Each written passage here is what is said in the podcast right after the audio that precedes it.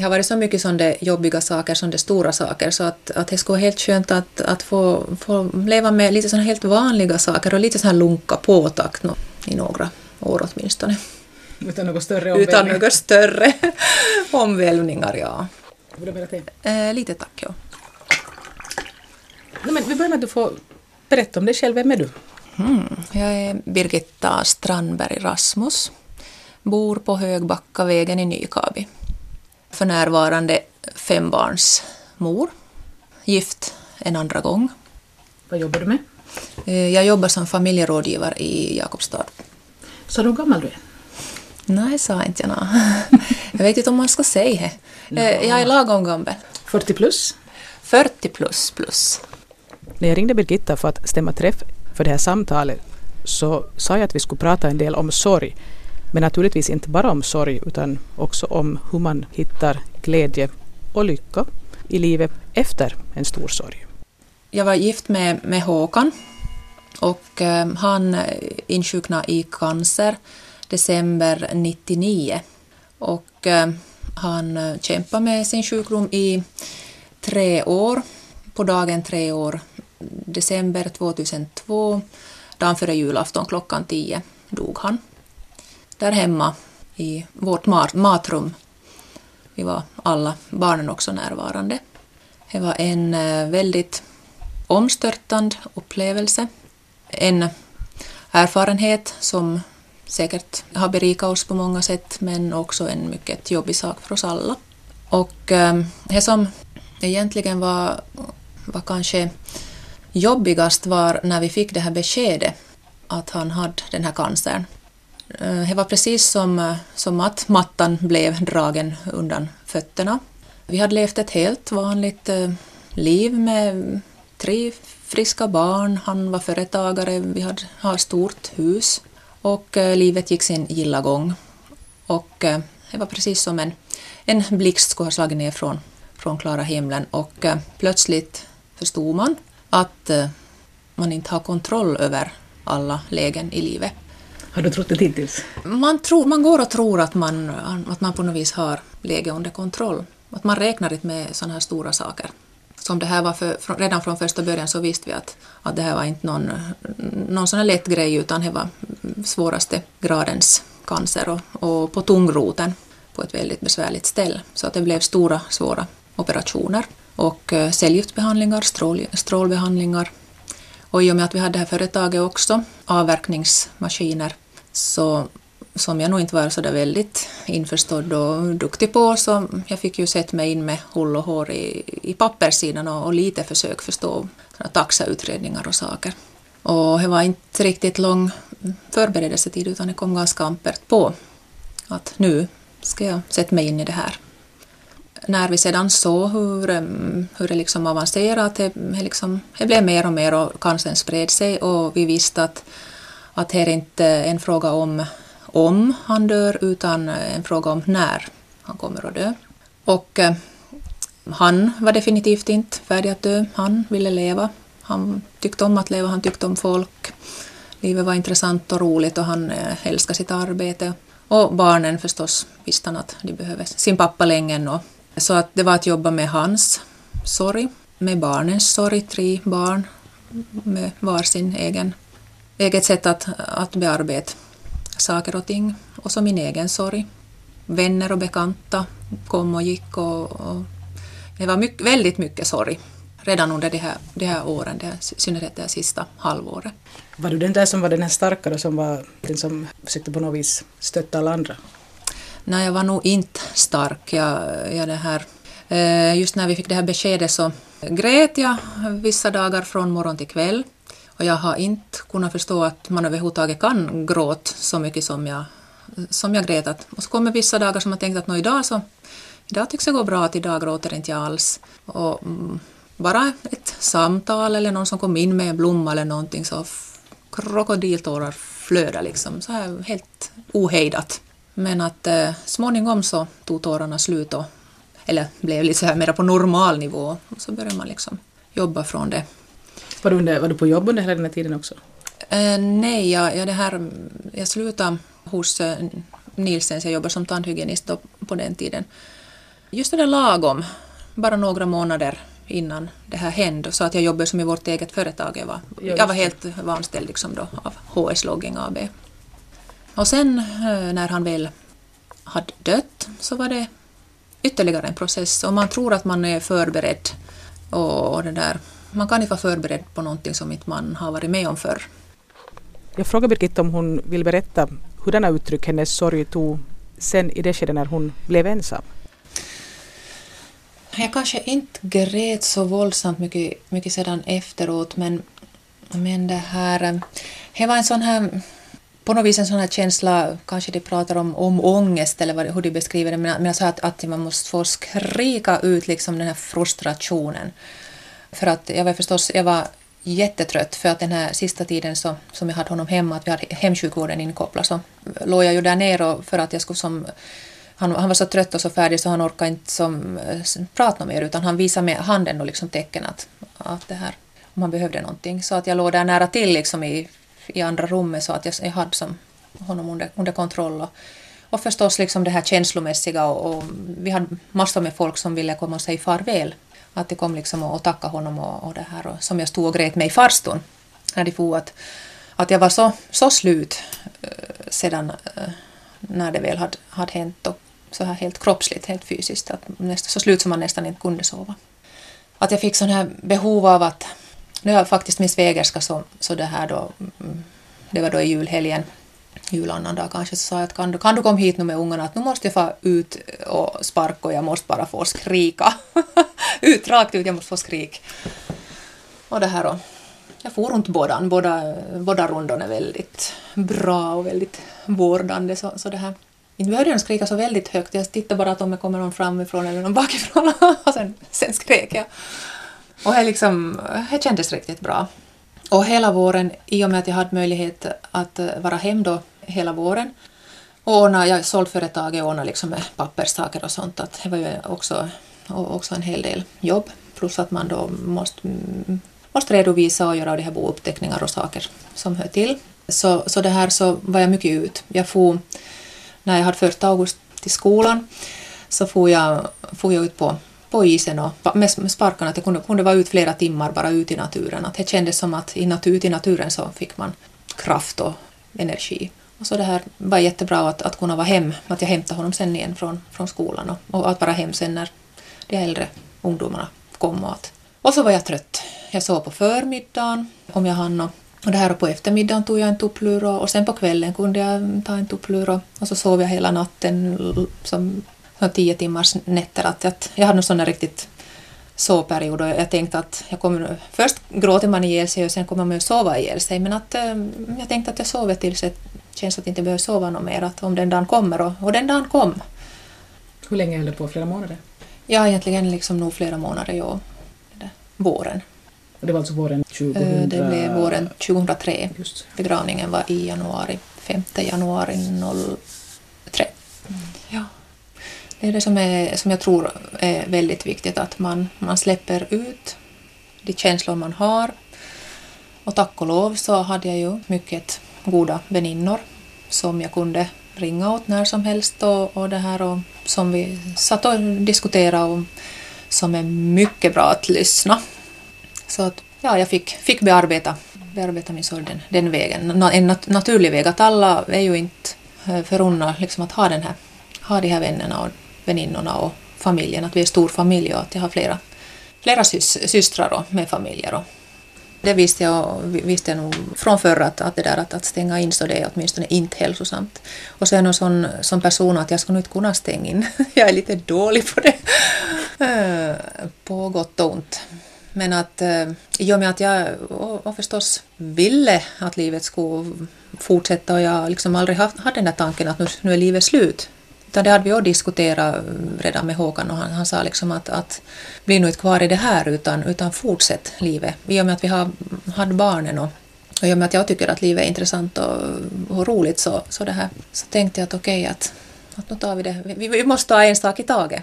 Och jag litar liksom fullständigt på det där att, att det, det kommer en annorlunda dag. Och det kom? Det kom. Före vi lämnar det här med sorgen så ber jag Birgitta berätta lite om sorgbearbetning. Jag gick sån här utbildning i Stockholm till certifierad sorgbearbetningshandledare på Svenska institutet för sorgbearbetning som eh, hade ett helt intressant program, liksom att hur man kan jobba med den här sorgen. Och jag har haft både individuella handledningar i det och eh, kurs i, inom arbetsregi här i höstas.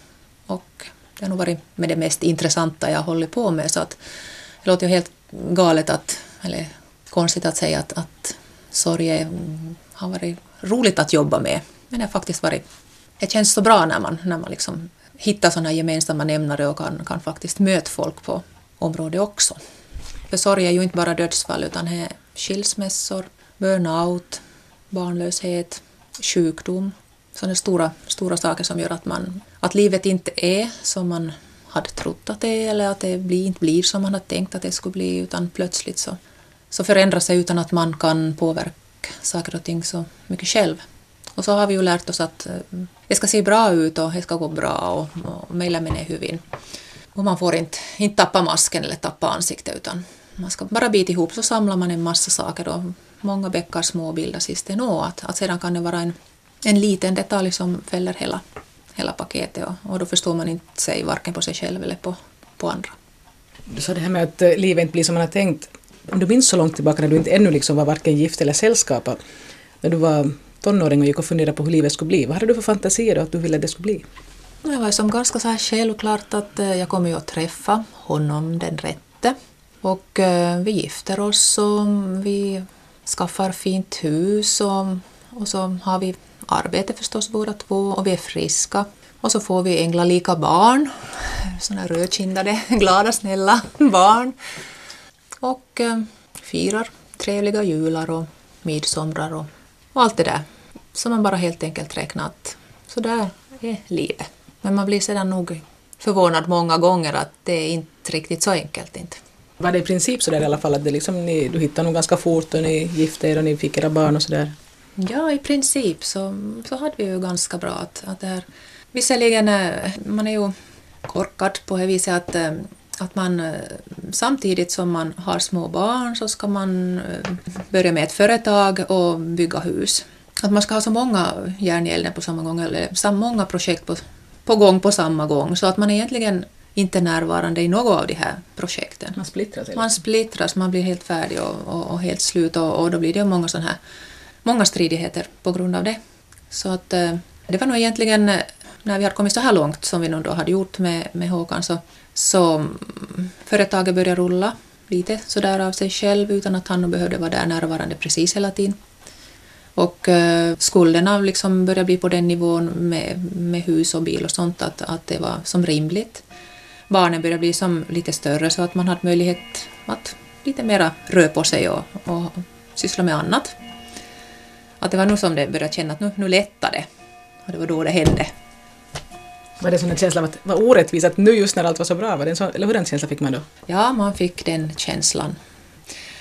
Och eh, i och med att jag har en sån här grundläggande ehm, tro som jag genom hela livet har haft i mig och så den blev verkligen i gungning i det, i det skedet och att, att jag blev helt förbannad på, på Gud. Att, att vad menar du? Att, att så här gör man ju inte. Att eh, vi har barn, vi har hem, vi har liksom allt det här att, att inte, så här får det ju inte liksom bli.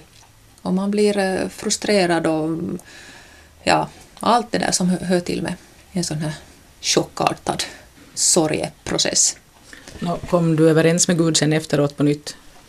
Mm, ja, på något vis ja. För, för det här... Eh, det fanns...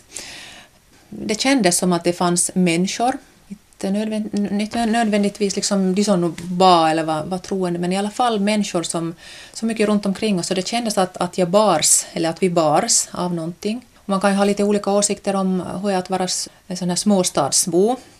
Men just i, i det här läget så upplevde jag det väldigt positivt att, att det kändes som att, att vi hade stöd stöd runt omkring oss, kring oss att, att när man såg folk i butiken och vi, vi hade ganska så öppet hela tiden att, att var vi låg med, med den här sjukdomen, hur vi hade hemma hos oss. Att jag, jag pratade med någon och tyckte att nu behöver jag gråta på torghallen, så grät jag på torghallen och, och alla visste liksom att inte, att inte nu var bara dans på rosor, vår tillvaro. Så det var så här, så här blickar sån här liksom, som förmedlar att vi tänker på er eller liksom vi vill liksom visa vårt medlidande. Att, att jag kände och liksom någon, någon som la någon hand på axeln ibland i, kön. Det kändes väldigt bra. Och det blomsterhav som, som fyllde vårt hem dagen eh, liksom, när, efter att beskedet var, var på stan så det var, det var enormt. Enormt, verkligen. Alla vita blommor var slut i stan. Så. Förutom sorgen efter mannens död så kan Birgitta också berätta om en annan sak som hände inom henne när hon plötsligt var ensam. När man är gift och har ett företag och har barnen så blir det småningom en sån här jargong att, att eh, okej okay, att mitt liv styrs inte av mig utan det är omständigheterna som styr livet. Och så hade man ju liksom, man hade gubben och man hade företaget att, att skylla på när man inte kunde utveckla sig själv och inte kunde riktigt göra vad man som kanske trodde att man skulle vilja göra. Men sedan hade jag en så väldigt, väldigt stark upplevelse efter att han dog just det här att, eh, att Birgitta, att här är ditt liv, do whatever you want. Som en bricka skulle ha satts framför mig. Att, och då var det så att hjälp, att, vad, vad vill jag egentligen, att vem är jag? Nu när det liksom blir en ny roll, en ny situation, då har du chansen att göra vad du vill. Det var en häftig känsla och, och inte kan jag nu säga att, eh, att jag någonsin hade blivit förbjuden att, att göra saker och ting, men att det var lätt att liksom gömma sig bakom de där ursäkterna där, att, att inte ta itu med, med många saker. Vissa saker är låsta, men att det fanns andra saker som, som säkert skulle ha gått att, att göra någonting åt redan tidigare, men, men jag gömde mig där bakom. Att du kan inte för du har de här barnen, du har det här jobbet, du har det äktenskapet? Just precis, och jag, jag har, ja, omständigheterna gör att jag är låst. Det är ju ett lätt sätt att slippa fatta beslut som kanske sen visar sig vara jobbigare än man hade trott. Det är så. Och det är ju när man, när man det där mm, för ihop sitt pick och pack i ganska ung ålder och börjar liksom på att man växer på något vis in i varandra. Man börjar tänka som den andra och göra som den andra och så här liksom att på något vis så, så ja, kanske jag inte var en sån här helt egen Birgitta då ännu ens. Hur länge var du alltså gift? Vi hade varit gift i 18 år. Vi gifte oss unga ja, ja, och började på ganska genast. Så att, att, därför så hade vi nog hunnit med de tre barnen. Ja. Så det var att börja på nytt, ett helt nytt liv då? Ja, på något vis kändes det som att, att jaha, att, att nu är det som helt nya spelregler. Att, och så hade jag, jag hade haft de här teologistudierna lite så här på sidan om på hobbynivå och eh, då blev det som att nu eller aldrig så ska jag ta och göra min teologie magistersexamen klar. Och det är den som jag nu har jobbat och kämpat med under flera år. Och eh, mycket annat alltså. Det var massa beslut som man skulle plötsligt ta alldeles själv. Och det värsta var ju att man skulle ta konsekvenserna för sina beslut. Och det var lättare att dela de där besluten och liksom ha någon att lite som skyll på så här när det blev fel. Men sen plötsligt hade man, hade man bara sig själv. Men hur gammalt var ditt äldsta barn då när det här hände? Eh, han var 18, hade just fyllt 18 och eh, vår yngsta var 8 och så hade vi tjejen däremellan som var 15. Och så halvt år efter det här så fick vår yngsta diabetes så att han blev insulindiabetiker. Ytterligare en, en smäll igen att, att jobba igenom. Men att vi har lärt oss att leva med det också. Så vilka beslut fattade du förutom att du valde att du skulle satsa på dina studier? Vilka andra beslut fattade du alldeles själv? Mm. Ja, när ska jag byta bil? Vad ska jag ha för bil? Ska vi måla huset nu eller nästa sommar? Vilken sorts värmeanläggning ska jag behöva ha för att pannan i huset börjar bli lite gammal och sliten och behöver bytas ut? Att vad, vad löns? Vilket alternativ är bäst? Och så alla möjliga små beslut, alltså med, med skolan. Eh, det var så skönt just de här kvällarna fast han jobbade som långa dagar och kom hem tio timmar på kvällen så, så var det som att sätta sig ner och diskutera och prata om allt som hade hänt under dagen och sedan liksom att ja, att, att hur ska vi nu säga, att vad ska vi tro om det här hobbyn och de här evenemangen och så kunde man lite som ventilera men sen satt man där själv och funderade att ja, vad ska jag göra med det här nu? Så kändes väldigt, väldigt ensamt.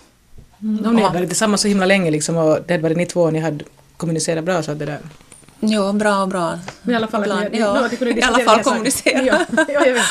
Men jag kan tänka mig att det finns också par där man ändå hamnar och fattar besluten själv fast man har en andra person med där. Mm. Så är det. Så är det. Men vi, vi hade nog den här kommunikationssidan ganska, ganska bra.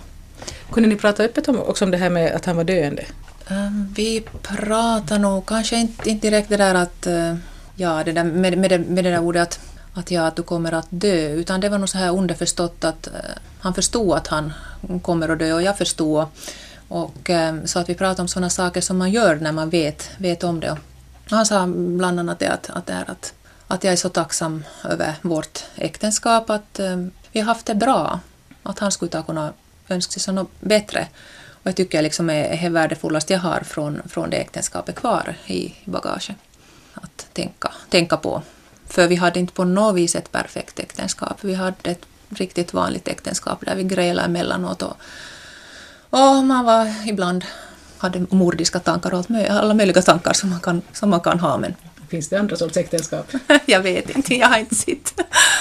Sådana äktenskap där man inte överhuvudtaget pratar om saker och ting, så, så det där att man aldrig grälar sig, äh, lär ska finnas, men, men det där. Jag tror nog det är viktigt att man ibland grälar och sen reder man upp det. När du, när du hade varit änka ett tag, tänkte du då att aj, jag vill gifta mig igen eller att jag skulle vilja ha någon att vara med igen eller var det så att du bara ville vara för dig själv och liksom leva ditt eget liv då i början? Första tiden gick jag nog på något vis som i en, en bubbla, att jag, jag tänkte inte ens på den saken. Jag tänkte inte ens på det alternativet. Att, att det var som så, jag var så inne i den här, in i sorgen och, och inne i att, att bearbeta det som hade varit. Att, eh, jag såg inte ens de här som vandrar på två ben av annat kön. Men att sedan småningom blev det så här eh, riktigt nästan smärtsamt att man fick sån enorm behov av, av fysisk närhet. Att, att det blev så här att, att bara någon skulle komma och bara hålla om mig. Ingenting mer så, så det här. Det blev sån här riktigt sån här fysisk känsla av att, att jag, jag behöver ha någon. Och eh, även om det är väldigt jobbigt ibland att vara två så konstaterar jag att det är nog ännu värre att, att vara ensam när man hade, åtminstone när jag var van att, att ha en bredvid mig, att fundera med. Så att jag var nog väldigt, eh, jag ungarna kall, sa ibland desperat, men att alltså så här ja, utsvulten. Och du var ju ung. Jag var ung dessutom, jag kände mig åtminstone jätteung. Alldeles för ung att bli ensam. Ja. Så det där, mm, juni 05 träffade jag Otto och det blev en sån här big bang. Han eh, hade nyligen blivit enkling och eh, ja, han hade gått igenom samma saker som vi. Han hade varit gift, så att han hade erfarenhet av äktenskap. De hade två barn, så han hade erfarenhet av barn. Och så hade de också levt med sjukdom i familjen, så att, att vi hade gemensamma faktorer som, som gjorde att, att det där det var väldigt enkelt att, att hitta varann. Big Bang sa Birgitta, så jag antar att hon menar att det var en mycket kraftig förälskelse. Ja, det var, det var en, en mycket häftig och det var nästan som man, som man kände sån här elstöt i handen när vi, när vi liksom första gången... Det var, det var när jag beklagade sorgen som jag första gången tog honom i hand. Då. För att vi hade haft båtarna vid samma brygga i, ja, då i 18 år. Så ni kände varandra så ni kände till varandra? Ja, vi kände till, till varandra. Liksom att, vi, att, att vi hade ju träffat dem där när de for ut med, med sin båt och när vi for ut med vår båt. Men att jag hade ingen aning om vem han var så här annars inte. Och jag visste inte, visste inte ens att hans, att hans fru då faktiskt hade varit så, så dålig att, att det blev som en helt, hel överraskning det också att, att hon dog. Mm. Och ehm, ja, den där förälskelsen var, var sådär det är så länge, länge sedan från det där man var ung så att, att eh, ja, jag kunde inte förstå att det kunde vara så. att man väntar på sms och, och det här och lite svag i benen och, och, och hela köret. Det var en, en underbar känsla för att eh, man behöver ha lite olika, olika sorters känslor, alltså man helt enkelt behöver det och, och det här, det var nog så hälsosamt på alla, alla plan och, och, och ja, när folk tyckte att, att man plötsligt började se så väldigt pigg och fräsch ut. att, att det kanske syntes till och med på, på utsidan. Att det, var, det var skönt. Så vi börjar på med, med Otto och eh, så här nu i efterskott så hade vi nog ganska hård fart och på att, att ehm, med tanke på de här ungdomarna och barnen så kunde vi kanske ha bromsat och tagit det lite i långsammare takt men det är inte så lätt att vara förnuftig när man är utsvulten och, och äntligen tycker att man har hittat, hittat honom. Så hur snabbt flyttade ni ihop eller gifte er eller började sådär på allvar riktigt dela livet? Ja, vi, alltså vi, vi, träffades i juni och vi förlovade oss i oktober samma år. Men att eh, vi bodde ju på skilda håll för de hade eget hus då. Och eh, det var var det kanske till julen 06 som, som de mer eller mindre flyttade in, eller på hösten, hösten 06, eh, dottern och Otto.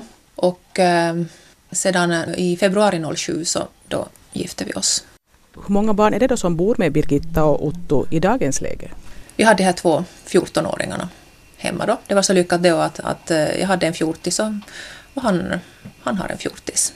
Eller idag är de alltså 14. Och det är lite kul också. Det är inte så bara att sätta ihop två paket med egen historia. Ottos barn hade mist sin mamma och jag vet inte vad som är värre att mista sin mamma eller att mista sin pappa men att eh, det är åtminstone inte lättare att, att mista sin mamma.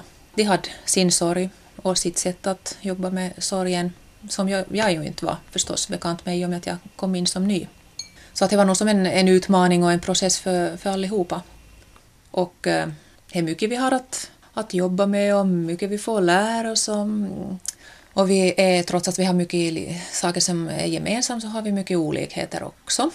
Jag är till exempel en människa som gärna talar mycket och, och så här djupa funderingar och tankar och känslor och drömmar och önskningar och, och eh, han är mer så här praktiskt lagd och tar gärna hus och bilar och filter och, och väder och sådana saker upp till diskussion. Och, så att eh, det är liksom att man, man får öva sig.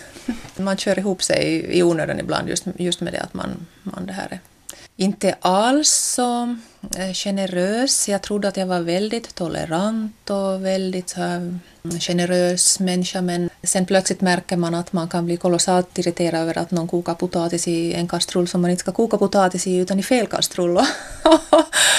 och helt, helt sådana fåniga saker som, som man sedan kan, kan elda upp sig vid, vid svaga tidpunkter så blir stora saker. I något skede frågade jag Birgitta om hon tror på öde om hon tror att det på något vis är förutbestämt, det som sker i ens liv? Jag vet inte om man ska kalla det öde eller, eller ledning eller något sånt, men ibland så, så verkar det så när, när man ser liksom på i efterskott att, att, det här, att det blir sådana pusselbitar som faller på plats.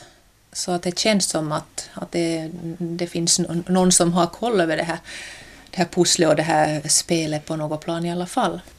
Birgitta nämnde här i början att hon nu jobbar som familjerådgivare på något vis eh, känns det som, när man ser, ser bakåt, eh, som det här livet skulle ha, ha förberett mig för den här uppgiften och så här riktigt som man säger på finska.